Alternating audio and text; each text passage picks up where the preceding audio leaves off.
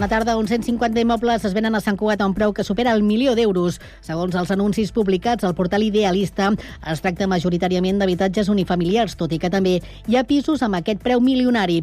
Valldoreix és la zona del municipi que més immobles en venda d'aquestes característiques agrupa, seguida de la zona de l'Arxiu Nacional de Catalunya i el Golf Sant Cugat. L'habitatge més car que es publicita en aquest portal costa 6 milions d'euros.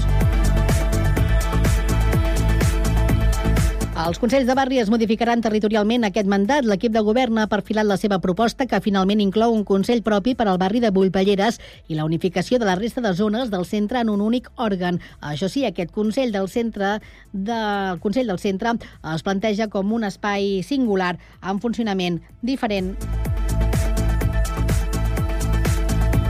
La 64a marxa infantil de regularitat torna a omplir aquest diumenge a Collserola. El Club Muntanyenc ha exaurit totes les places, amb 2.000 infants inscrits que s'endinsaran per Collserola en un recorregut de prop de 10 quilòmetres. La cita esportiva, una de les més multitudinàries de la ciutat, arrencarà a les 9 del matí del Parc de Ramon Bernils i l'ordre de sortida serà a partir del número de Pitrall. D'arribada també és al mateix parc.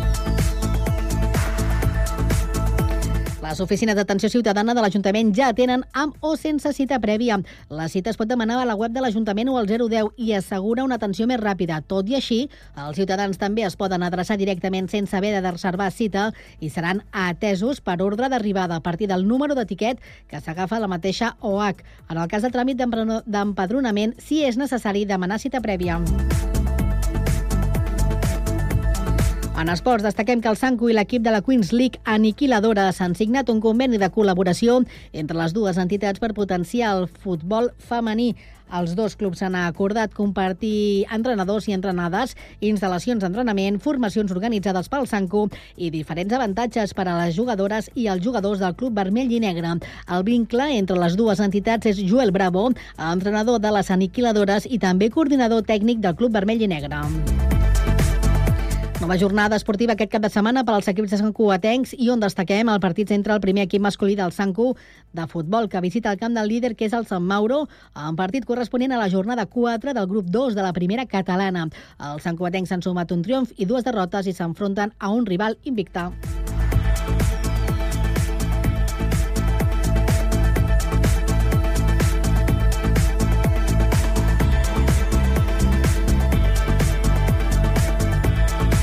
Cugat Mèdia, la informació de referència a Sant Cugat.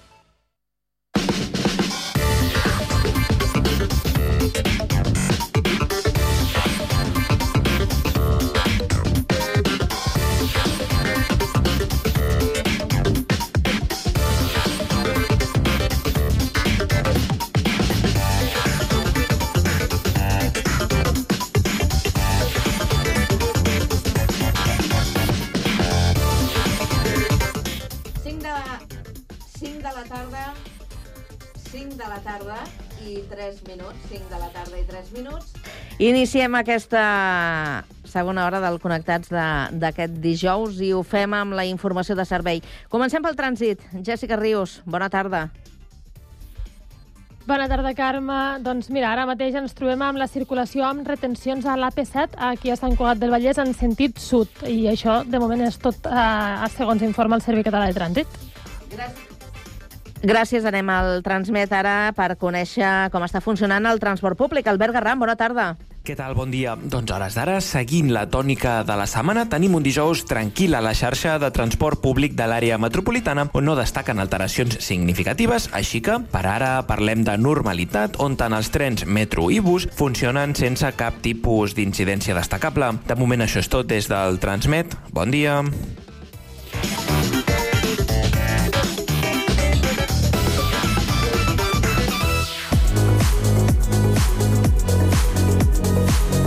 Cada tarda, de 4 a 6, Connectats. Una experiència radiofònica a Sabadell, Terrassa, Sant Cugat, Castellà, El Prat i Badalona.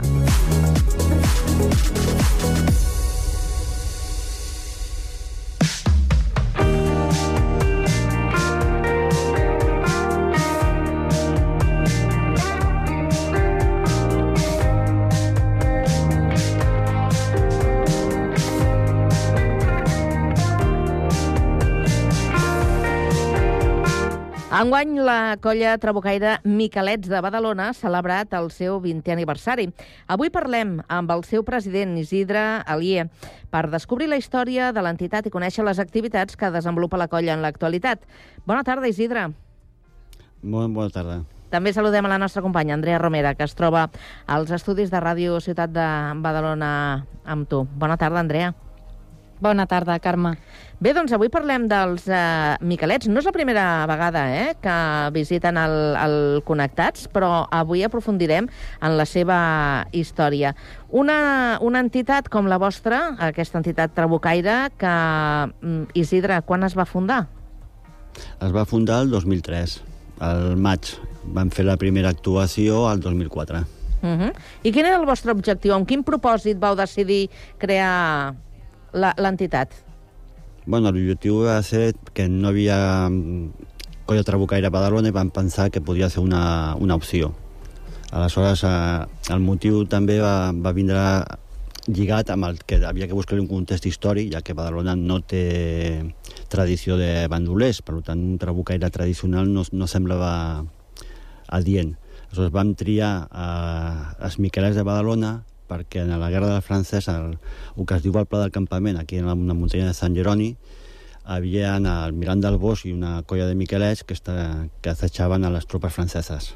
I amb aquest context històric vam adoptar el, el nom de Miquelets de Badalona i l'uniforme, que si bé no és del 1800 exactament, sí que és més o menys de recreació històrica en el sentit de que està copiat d'un uniforme de, que es deia Companyia de Voluntaris Catalans a Amèrica, que és del 1760 i pico.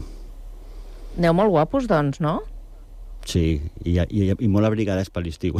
Ostres, i què, i què passa quan resulta que teniu doncs, alguna actuació eh, que, que heu de sortir i, i ah, clar, heu d'anar vestits a, eh, amb... Sí, sí, passem, passem calor i ja està.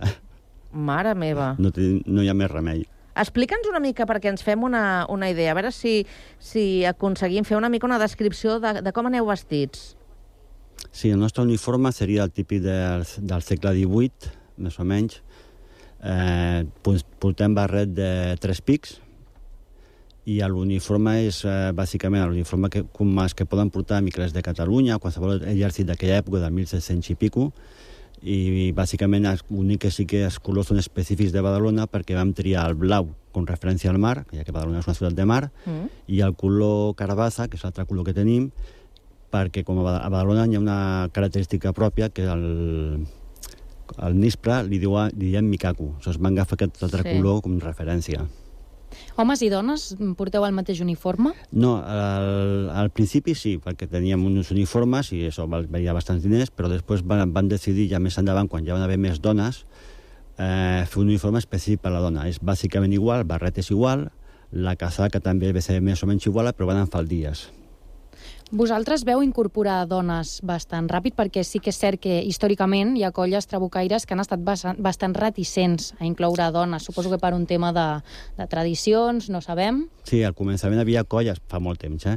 que per tradició, perquè són molt antigues, no, no tenien dones i no, no, no, no contemplaven. Avui en dia pràcticament totes les coses de Catalunya tenen dones.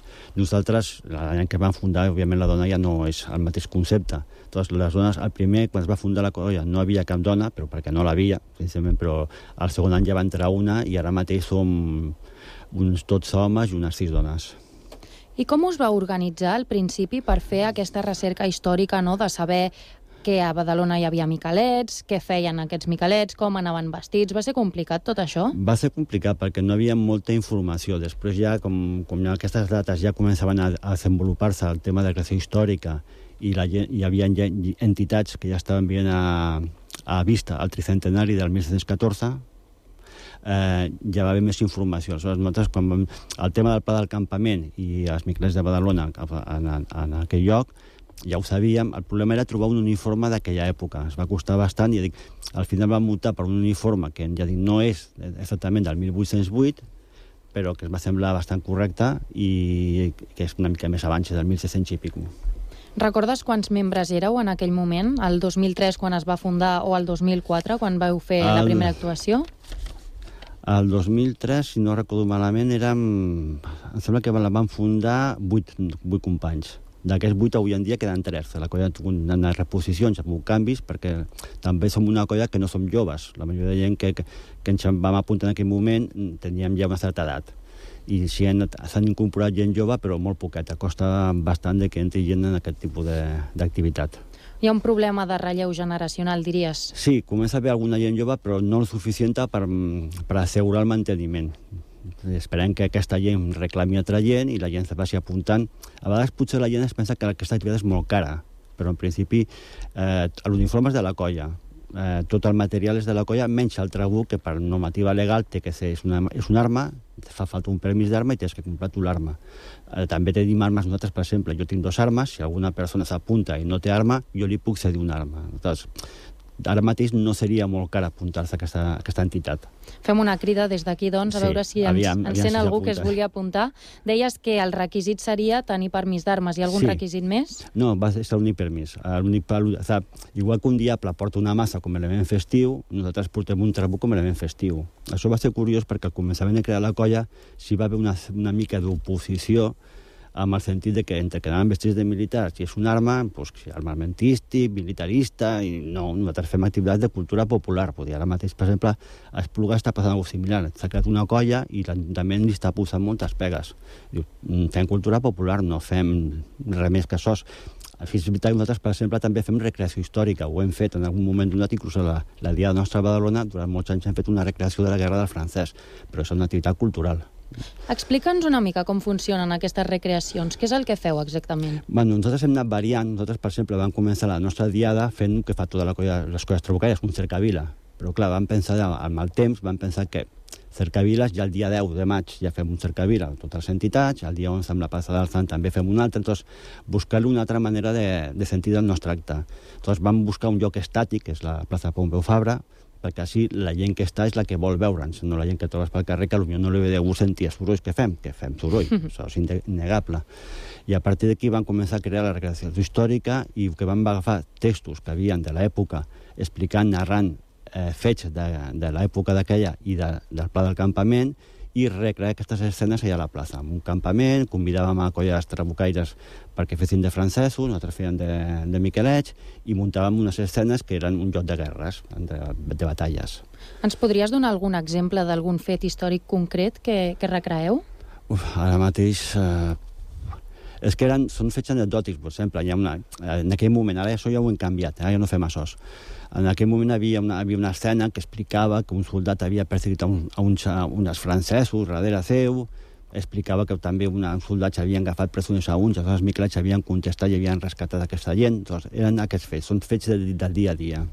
I escolta una cosa, Isidre, perquè ara quan explicaves sí. el tema de les recreacions, dels fets històrics, eh, quan ho heu fet, sempre ho heu fet a Badalona o també heu fet aquestes eh, recreacions a, en altres ciutats? No, hem participat, aviam, quan va ser el 2013, que era el tricentenari del 1714, va haver el boom de la recreació històrica i hi havia moltes altres recreacions històriques que anaven les colles pròpiament de recreació. Nosaltres no som colles de recreació, per nosaltres la nostra arma és un trabuc que va en pistó, és més o menys modern.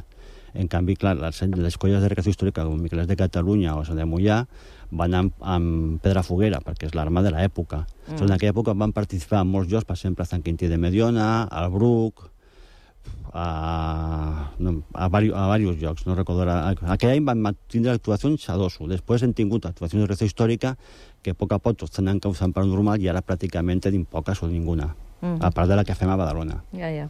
A banda d'aquestes recreacions, també feu balls parlats. Ens pots Sí. explicar una mica què és això? Sí, un ball parlat és, eh, és típic, per exemple, els balls de Serrallonga ven a ser molt similar a això. Eh, és un, és una, una, una, una acte, per exemple, nosaltres el fem en el pregó, on en, en, en versos ens oferim de, bàsicament de guàrdia d'honor a l'alcalde per acompanyar-la a l'acte de posar el mocador al sang, que és l'acte del pregó, i entremig, entre vers i vers, fem un ball. Un ball, doncs un ball senzillet, però fes un ball. I per què es diu ball parlat? Perquè és això, és perquè tu balles i parles. No és... No, no, no, clar, no fas les dues coses a la vegada, ballar i parlar, perquè seria, Això més, seria seria algo complicat. més complicat. Però sí que l'acte en si té una part parlada i una part de ball. Després això ho vam traslladar a la festa nostra, que feien, van canviar pel, del tema de recreació de batalles a fer una explicació del que eren els Miquelets a la història de Badalona amb diferents personatges, on surt un, un segador, un almogàvar, eh, i, eh, el Milan del Bosc, una sèrie de persones que expliquen qui són ells i entremig fèiem un ball. A banda d'aquestes activitats que hem mencionat, les recreacions de fets històrics, els balls parlats, també assistiu a trobades trabucaires. Com, Sí. com funcionen? Són de colles trabucai trabucaires de Catalunya? Sí, a, la- a Catalunya ara la coordinadora no sé si són unes 50 colles trabucaires, entonces cada, cada any eh, la colla que s'ofereix eh, organitza la trobada nacional de trabucaires, és a dir, totes les colles que volen van allà, podem ser les 40 o les 25, les que s'apuntin, igual som 200 trabucaires, com podem ser 400 trabucaires. I en aquella trobada pues, el que fem és una galesada i després un dinar de germanor, bàsicament. Aleshores, cada any, per exemple, es fa el dia 8 del mes que ve al Figaró, cada any va canviant. L'any següent em sembla que toca Sabadell. Són colles que. I després també, pel mes de març, ja fa uns bastants anys, també fem una trobada de la dona trabucaire. Aprofitant el Dia de la Dona, es fa una trobada també una altra eh, ciutat que decideix organitzar-lo i les dones trabucaires participen més actives. Són, abans només tiraven elles, ja, ja depèn de que tiren elles o no tiren, o tiren també els homes. Però bàsicament és el dia de la ceba, de la dona trabucaire. Aquestes dues trobades són organitzades per la Comunitat de Trabucaires de Catalunya. I com us organitzeu per fer tot això? Teniu algun lloc d'assaig aquí a Badalona? Eh, bueno, nosaltres d'allà no ens fa falta ensaiar gaire, la veritat. Eh, tenim un local mm, en condicions, diguéssim, justetes, a, a, la, Masia Can Lladó, com tenen els Diables, com tenen els Gegants i demés. No és un loc... Faria falta una casa d'entitats, que són, no existeix, fa anys que ho estan reivindicant i esperen que algun dia hi sigui, però de moment ja tenim el local com a mínim ens serveix de, per trobar-nos per fer les eh, assemblees i demés, i com magatzem, perquè clar, tenim vestits, que tenim allà guardats, tenim material, perquè tenim també alabardes, espases, per altres figurants que no volen tirar i que volen participar, aleshores clar, tenim un lloc per poder tindre guardades les coses. Ara que dius això de participants que, que volen participar però que no poden agafar armes, seria possible si una persona, insisteixo amb lo d'unir-se a l'entitat, sí. volgués unir-se però no tingués aquesta llicència d'armes, per exemple, podria fer-ho? De fet, ja, ja tenim gent. Ara mateix tenim unes dues persones noves que encara no tenen la llicència d'armes, però han vingut amb altres com nosaltres. Aleshores, doncs van amb una alabarda o van amb la bandera, o ja, ja li posem alguna cosa. Perquè tots a la llarga volen treure la, la llicència d'armes, tots volen disparar. Clar, és el més divertit, suposo, Sí, no? sí. Quantes persones sou actualment a l'entitat? Ara som 18 persones. Home, déu nhi de 8 que éreu al principi, no? Sí, ha anat creixent. Per tot. Ha hagut moments que eren 20 i pico, ha hagut, hi ha entrades i sortides. Aleshores, no és una colla gran, hi ha colles molt més grans que la nostra, que està justeta, perquè va bé, ja va bé, perquè també la pólvora és cara i mentre més gent tira, més pólvora gastes, però a vegades és justeta per poder organitzar coses i de més, però bueno, és el que tenim. Com a colla, què diries que és el que més us agrada fer? Si teniu una actuació preferida o una trobada preferida... Mm, Això va a gustos de cada un. Vull dir, aquí no... Jo, per exemple, m'agrada molt la nostra diada, tal com el format que té ara. Hi ha gent que prefereix fer galesades.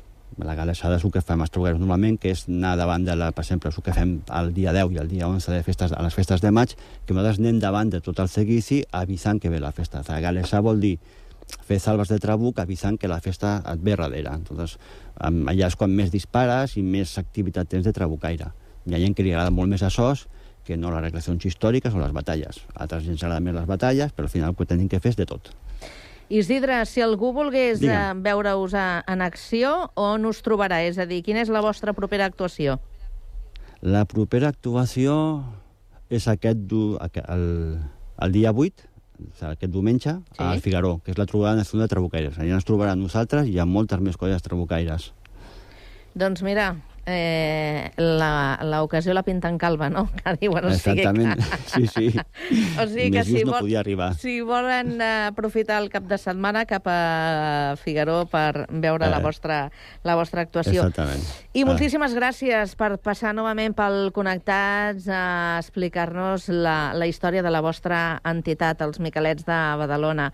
Que vagi molt bé. Una abraçada. Moltes, moltes gràcies. Adéu-siau. Gràcies, Andrea. Bona tarda. Bona tarda, Carme.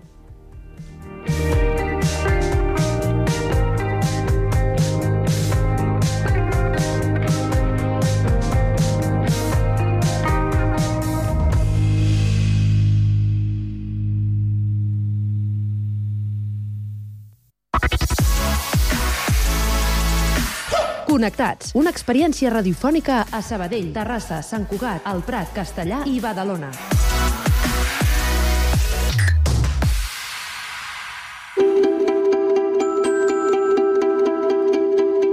Connecta't al patrimoni.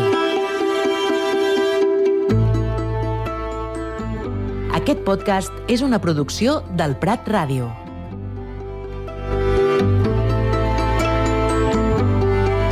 Quan parlem de patrimoni, sovint pensem en esglésies, castells en runes o monuments majestuosos, però també hem de pensar en altres patrimonis. Parlem d'allò que ens recorda fets històrics importants del nostre passat recent i de les vides de les persones que els van viure. Avui parlem del patrimoni de la Guerra Civil.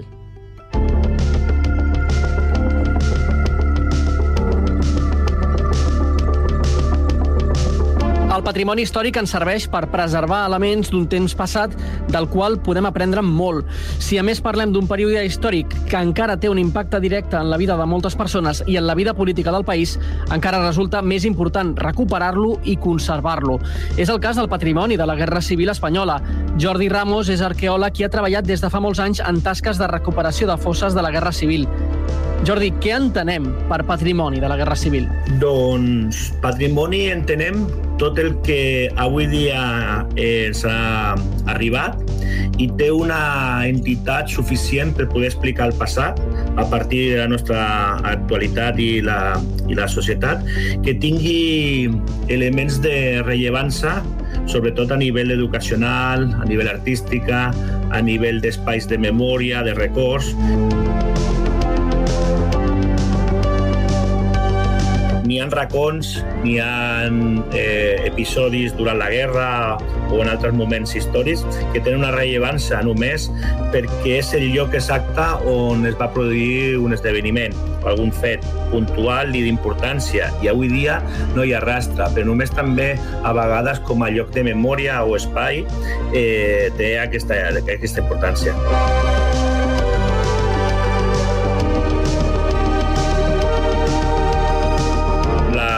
Localització, geografia d'aquest país és molt diversa, lògicament, i, i, però hi ha unes similituds i, i moltes diferències. El que és la Guerra Civil no té res a veure el que Catalunya, que sempre gairebé va ser rereguarda, i línia de front a partir del front marítim o la presència aèria dels franquistes i de, de l'aviació aliada, o la repressió puntual inicial que va exercir en alguns llocs d'Andalusia. No?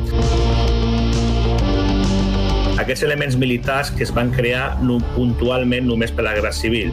Això explicaria una manera en la nostra societat de poder explicar aquesta defensa de la República, aquesta, a, a aquest fer front a, a l'alçament militar, a la qual cosa jo crec que és també molt important eh, veure aquests elements.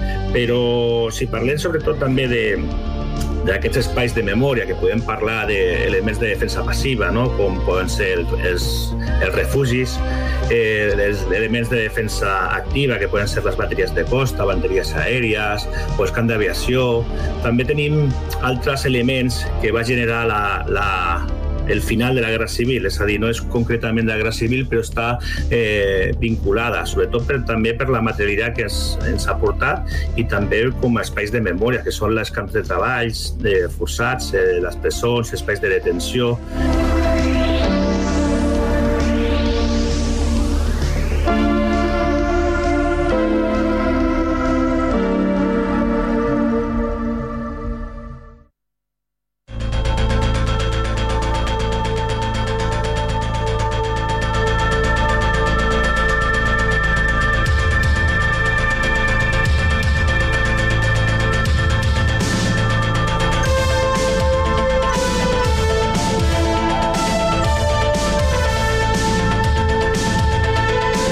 Diferència entre el tipus d'arqueologia i d'historiografia que fas tu eh, amb altres companys no? que potser treballen èpoques històriques molt més antigues és que tu treballes amb persones que o han viscut o tenen relació directa amb algunes persones que han viscut els fets que tu mateix estudies.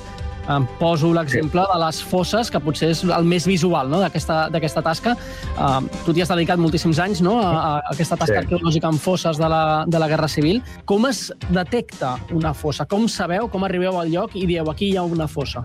Sobretot el que ha quedat de, dintre de la memòria de les persones, dels seus familiars, que mai van oblidar la, on estaven enterrats els seus estimats, és la informació oral, principalment, la que marca i la que vegades ens ubica on estan aquestes fosses. També hi ha molta documentació eh, perquè el règim franquista també va fer algun inventari d'on estaven les, les fosses dels caiguts per dir per Espanya dels seus i altres sempre va intentar tapar a altres fosses eh, amb víctimes republicanes. Els familiars mai van oblidar i, i a partir d'un moment puntual, sobretot la dècada dels 70, hi ha molta gent que intenta reivindicar la, la, la memòria de les seves, de, de les seves víctimes, dels seus familiars. l'estat espanyol no, no ha deixat mai d'exhumar des d'aquella intervenció, sobretot per una, per una qüestió que és eh, complir eh, drets humans i sobretot presentar-lo dintre la comunitat europea o dintre del món, és a dir, que això s'ha de resoldre i que totes les víctimes eh, han de ser eh, entregades, les restes humanes, als seus familiars.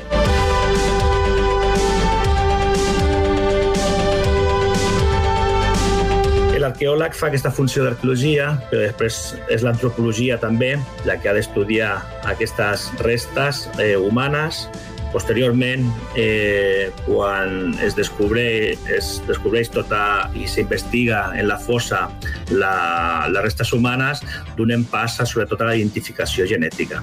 I és un procés que si dona positiu o no, eh, això no acaba mai. És a dir, a nivell d'entrega de, de restes, de restes necessitem la col·laboració de la comunitat, dels polítics, de tota la societat, perquè sigui recordat aquest fet i, que, i què va passar. Qui representa per les famílies el fet de trobar les restes d'una persona que sabien que estava enterrada o sospitaven que estava enterrada, que havia estat assassinada. Um, els serveix per tancar un cicle, els serveix per, eh, doncs potser, no, retrobar-se amb aquella persona, tot i que sigui eh, ja morta?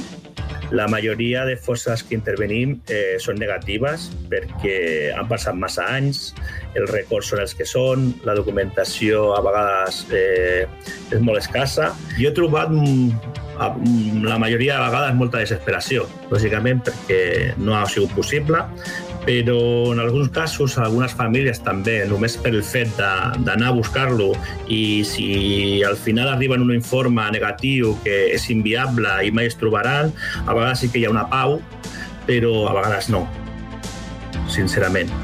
I el que sí que quan es dona per acabada i en èxit eh, les restes humanes entregades als familiars, sí que hi ha una reparació, perquè aquell dol que ha tingut mol, molts anys aquella família pugui ser reparat d'una manera. És un procés molt llarg, que a vegades s'acompanya en psicòlegs i, i és donar resposta sobretot al patiment.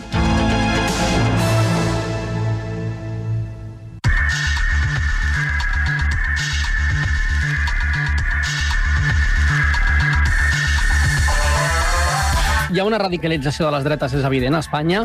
Eh, ha dificultat la tasca de recerca, d'investigació respecte a la Guerra Civil? Sabem que les dretes espanyoles, eh, les més radicals, tenen problemes precisament amb la memòria democràtica. Això us ha dificultat eh, actuar o, o treballar amb llibertat, amb fosses o amb altres investigacions? Estem veient, per exemple, al Valle de Cuelgamuros, a Madrid, és a dir, la presència i, i a nivell judicial de la pressió que fa la dreta i la, aquesta dreta més radicalitzada fer front a les exhumacions que s'estan fent a, al Valle de Colgamuros, és evident.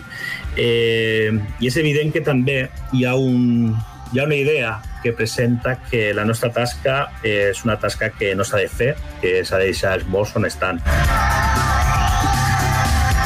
La majoria de persones que comenten això és perquè no tenen les, víctimes, és, evident, perquè si no això no ho diríem, perquè cadascú, la nostra societat i la nostra mentalitat i de sentiments hem d'enterrar els nostres estimats on, on la família vulgui, sobretot a nivell de reparació, però això ha dificultat molt i ha dificultat moltíssim.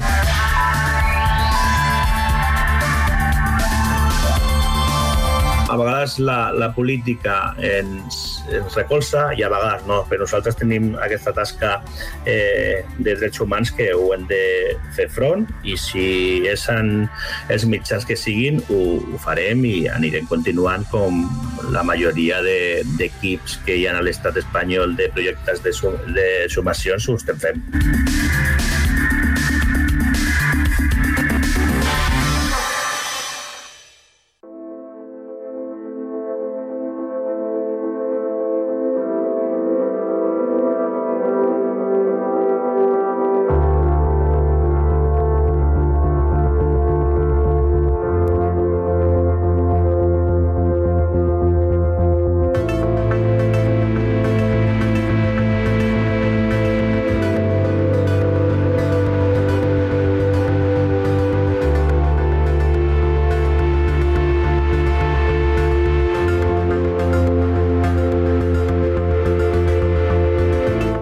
Tot aquest procediment, amb tots aquests anys que portes treballant temes relacionats no? amb, la, amb la memòria democràtica, a nivell personal, tu què n'has après?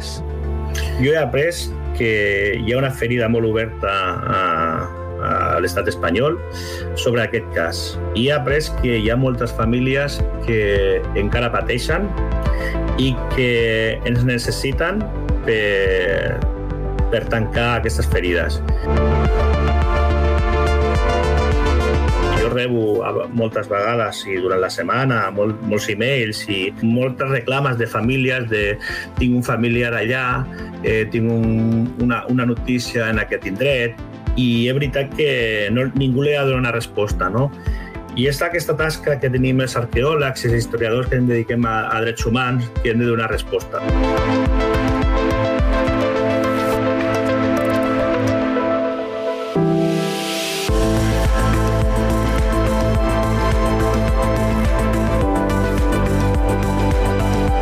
jo crec que he après molt a, a nivell de drets humans i sobretot a, a mirar a vegades la, la història del passat més recent en una mirada més de reparadora i de i d'intentar que el patiment que han tingut moltes famílies eh, pugui revertir i sobretot que és una tasca que mai, mai acaba.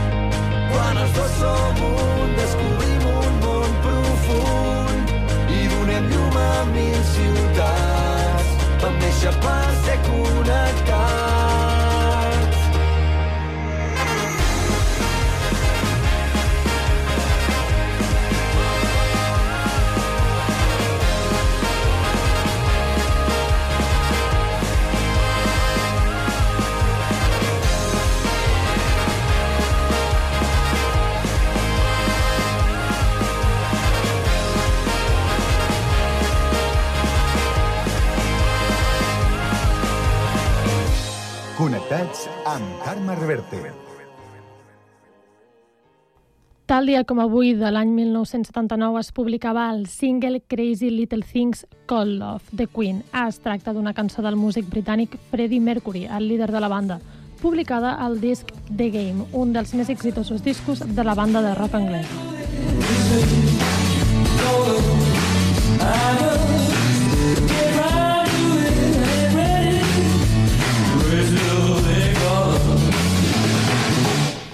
A visit, visit.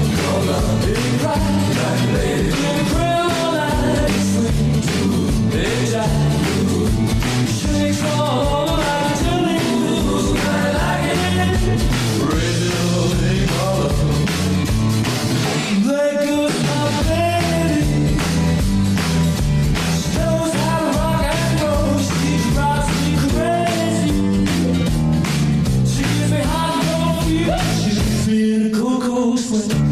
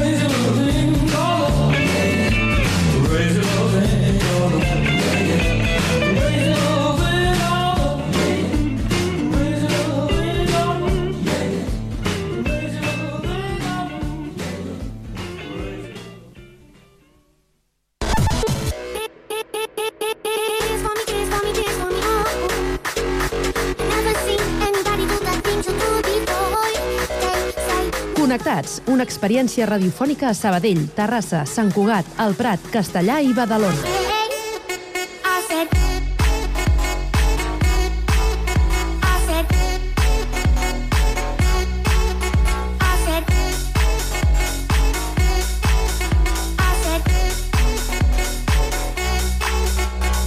Connectats amb Carme Reverte.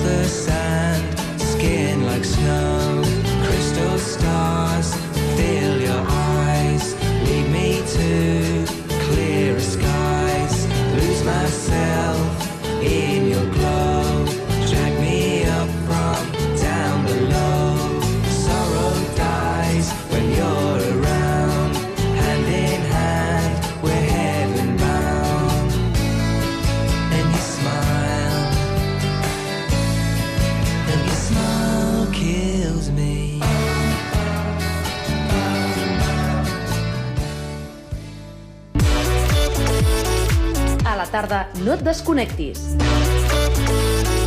Connectats.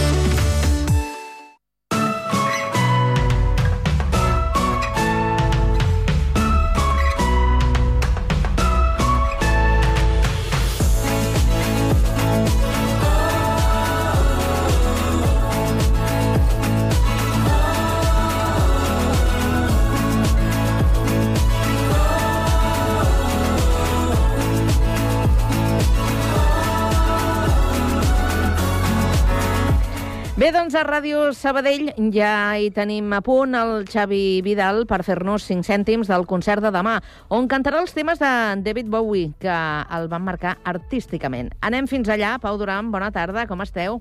Bona tarda, doncs molt contents de tenir-lo assegut a l'estudi, que falten, diria un dia, però falten hores gairebé per aquest concert de divendres, i a més vull que comenci donant-nos la, la bona notícia, que bé, l'estàvem comentant ara just mentre entrava a l'estudi. Xavi Vidal, benvingut a Ràdio Sabadell. Hola, què tal? Moltes gràcies. Bueno, digue'ns el que ens has de dir, com van les entrades per aquest concert? Bueno, i pràcticament està tot venut ja, perquè ara m'han dit que quedaven exactament, exactament, quatre entrades, però són molt separades, pràcticament et diria que és un ple, no? I per mi és bestial, no? Vull dir que estic molt satisfet. És l'expectativa que tenies? T'haguessis conformat amb menys? M'hagués conformat amb molt menys, perquè eh, bueno, jo vaig pensar que el principal eh, anava un pèl gran a mi, eh? eh vam estar amb les quatre bandes fa 3 o 4 anys, una mica abans de la pandèmia, eh? eh i no vam omplir-ho. Llavors, eh, si entre els quatre mm, d'aquella època no ho vam omplir, vaig pensar, tu sol no omples ni en conya, això. doncs sí. Bueno, Sant Bowie també ajuda molt, eh? Mira, t'ho anava a dir, m'has tret de la boca, dic, tens un amic que, que, encara que no hi sigui ja de cos present, t'hi ha donat un cop sí, de mà, sí, no? Sí, Sant Bowie, Sant Bowie. Quan, quan comença aquesta relació que tens amb el David Bowie, mm, diguem-li, artística? No, comença quan començo jo, ell comença primer. De fet, jo soc, em considero com un dels fills, no? De, de, tot, som tota una generació que, evidentment, hi ha la generació que ens precedeix a nosaltres, la nostra, i fins i tot la que avui comença, que encara no sap que Bowie ha influït, però també els ha influït. Uh, vol dir que, no sé, jo, clar, quan vaig començar tenia 16 anys, i el primer que vaig escoltar va ser Beatles i Bowie, i aquí, pues, aquí hi ha el meu vademecum, no?, una mica.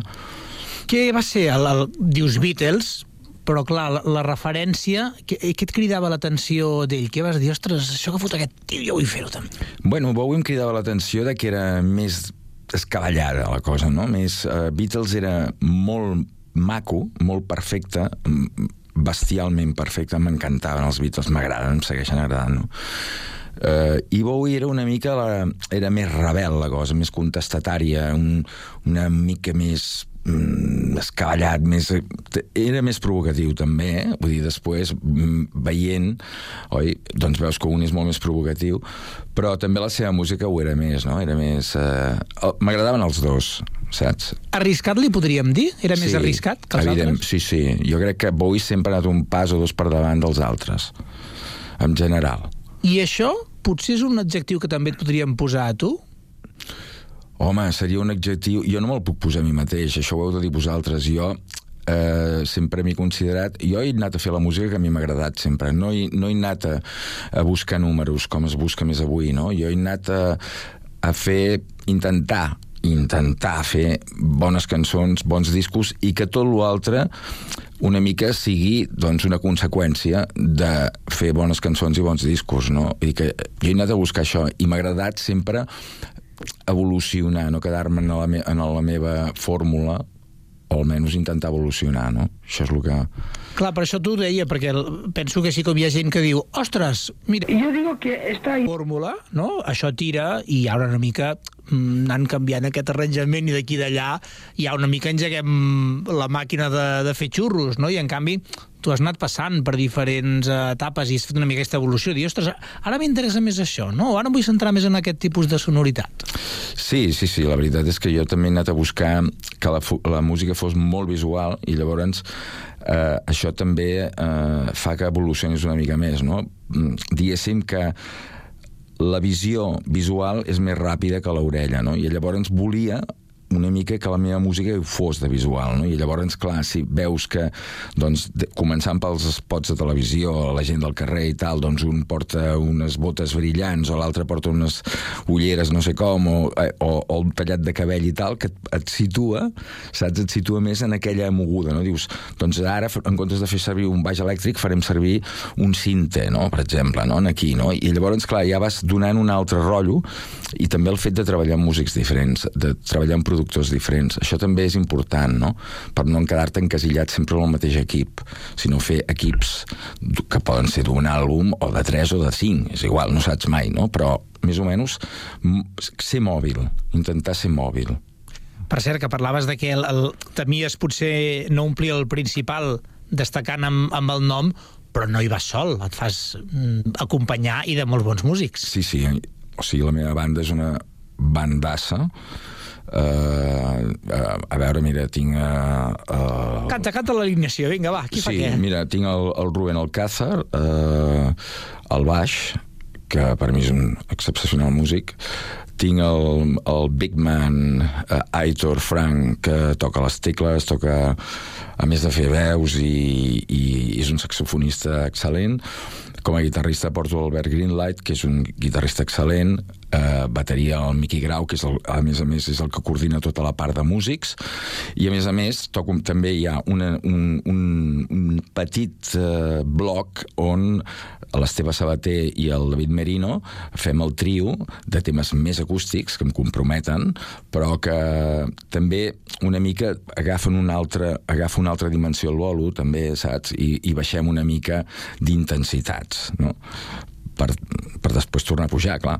Però vull dir que no, estem tots, però no mai junts, per entendre'ns, no? Tots junts no, eh, per separat. Anem en blocs per separat. Amb això imagino que el, el, el recorregut emocional del concert serà una mica que ens agafaràs i ens faràs fer una mica la muntanya russa. Eh? Sí, una mica sí, perquè, home, si començo, si començo fotent canya i, i no paro fins al final, a mi ja m'agrada, eh, fotre castanya i no parar fins al final, però eh, què passa? A veure, Bowie, Bowie és un artista molt, molt concret, és un, un artista que per mi és absolutament inimitable, això ho tinc molt clar, no vaig a fer ni un clonisme ni una imitació de David Bowie, perquè li tinc absolutament tant respecte que no, no li arribo ni a la sola de la sabata, llavors no, no vull fer el patètic, ja ho dic directament. I llavors què he fet?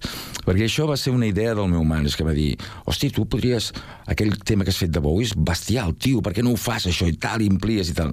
I llavors el, el, me, la, el raonament que vaig fer és de dir, saps què puc fer en comptes de el que fan els actors de, del mètode d'Actors Studio?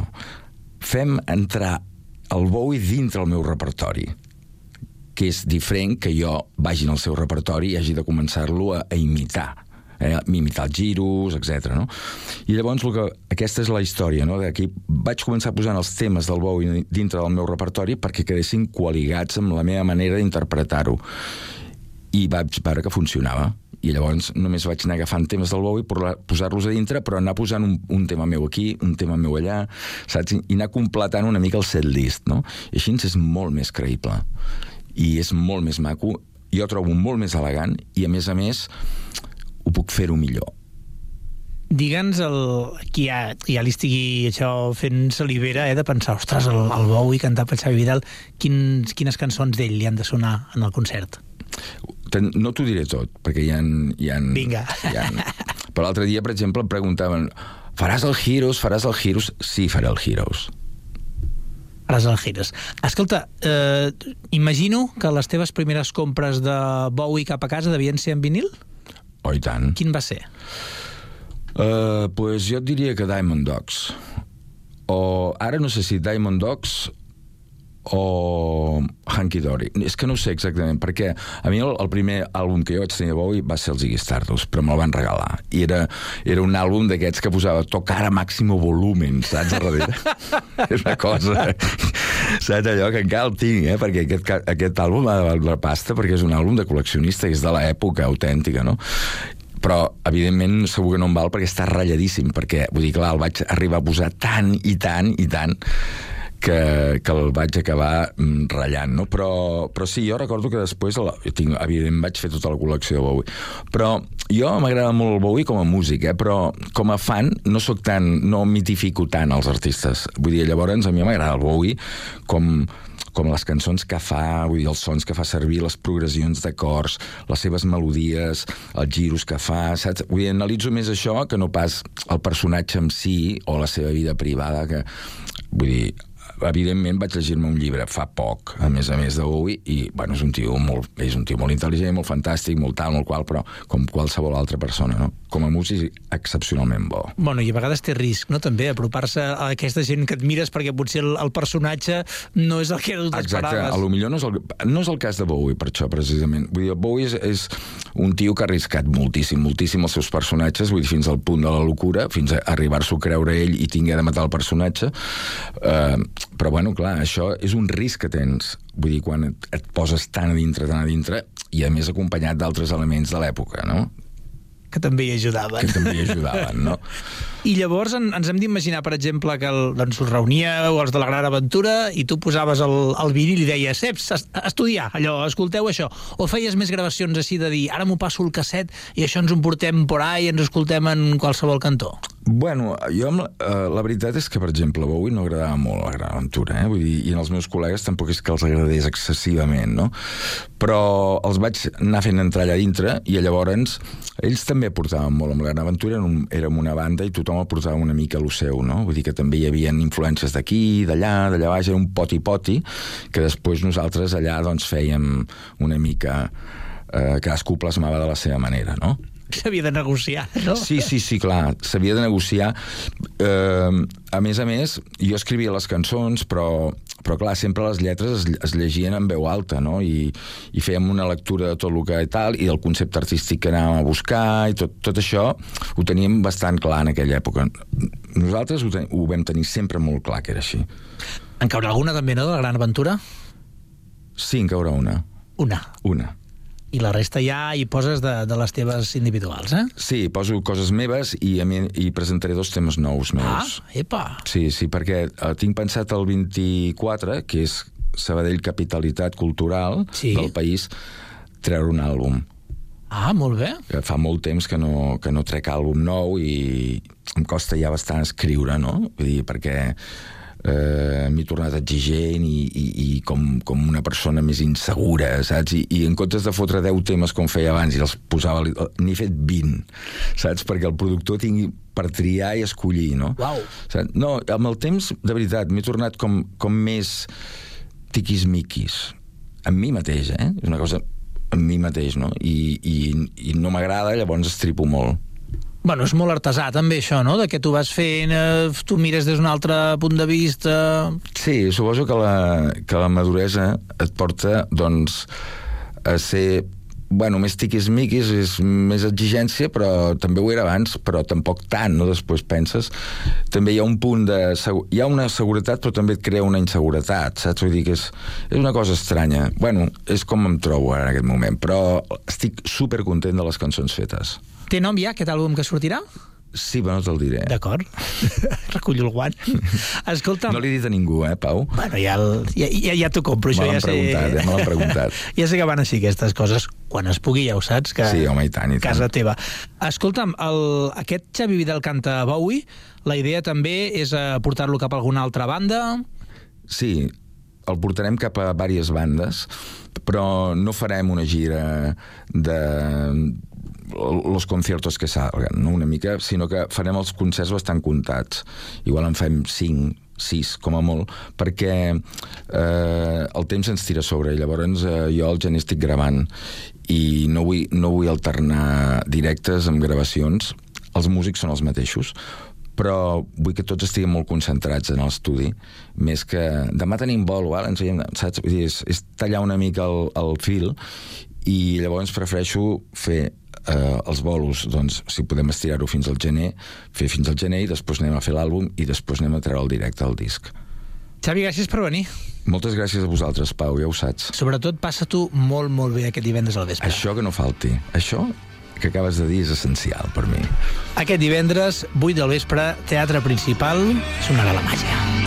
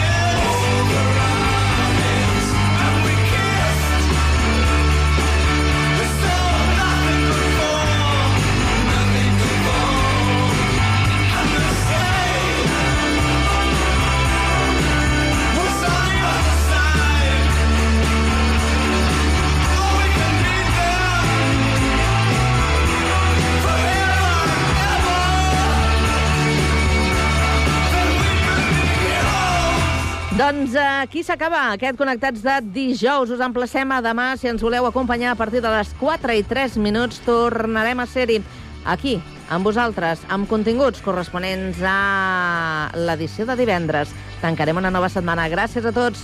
Adéu-siau.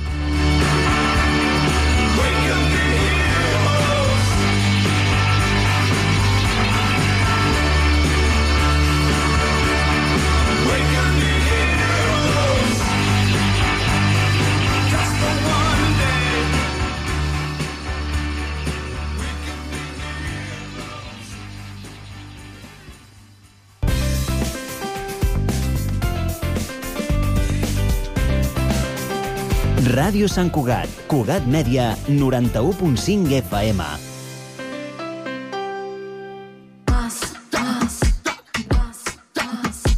Pide por esa boquita, viajar, disfrutar de un verano mejor, vamos, grita. Que lo que se da no se quita. Tot el que li demanes a l'estiu, demana-li al nostre assessor i aconsegueix fins a 500 euros en un cupó regal del Corte Inglés i molt més. Consulta les condicions. Viatges al Corte Inglés.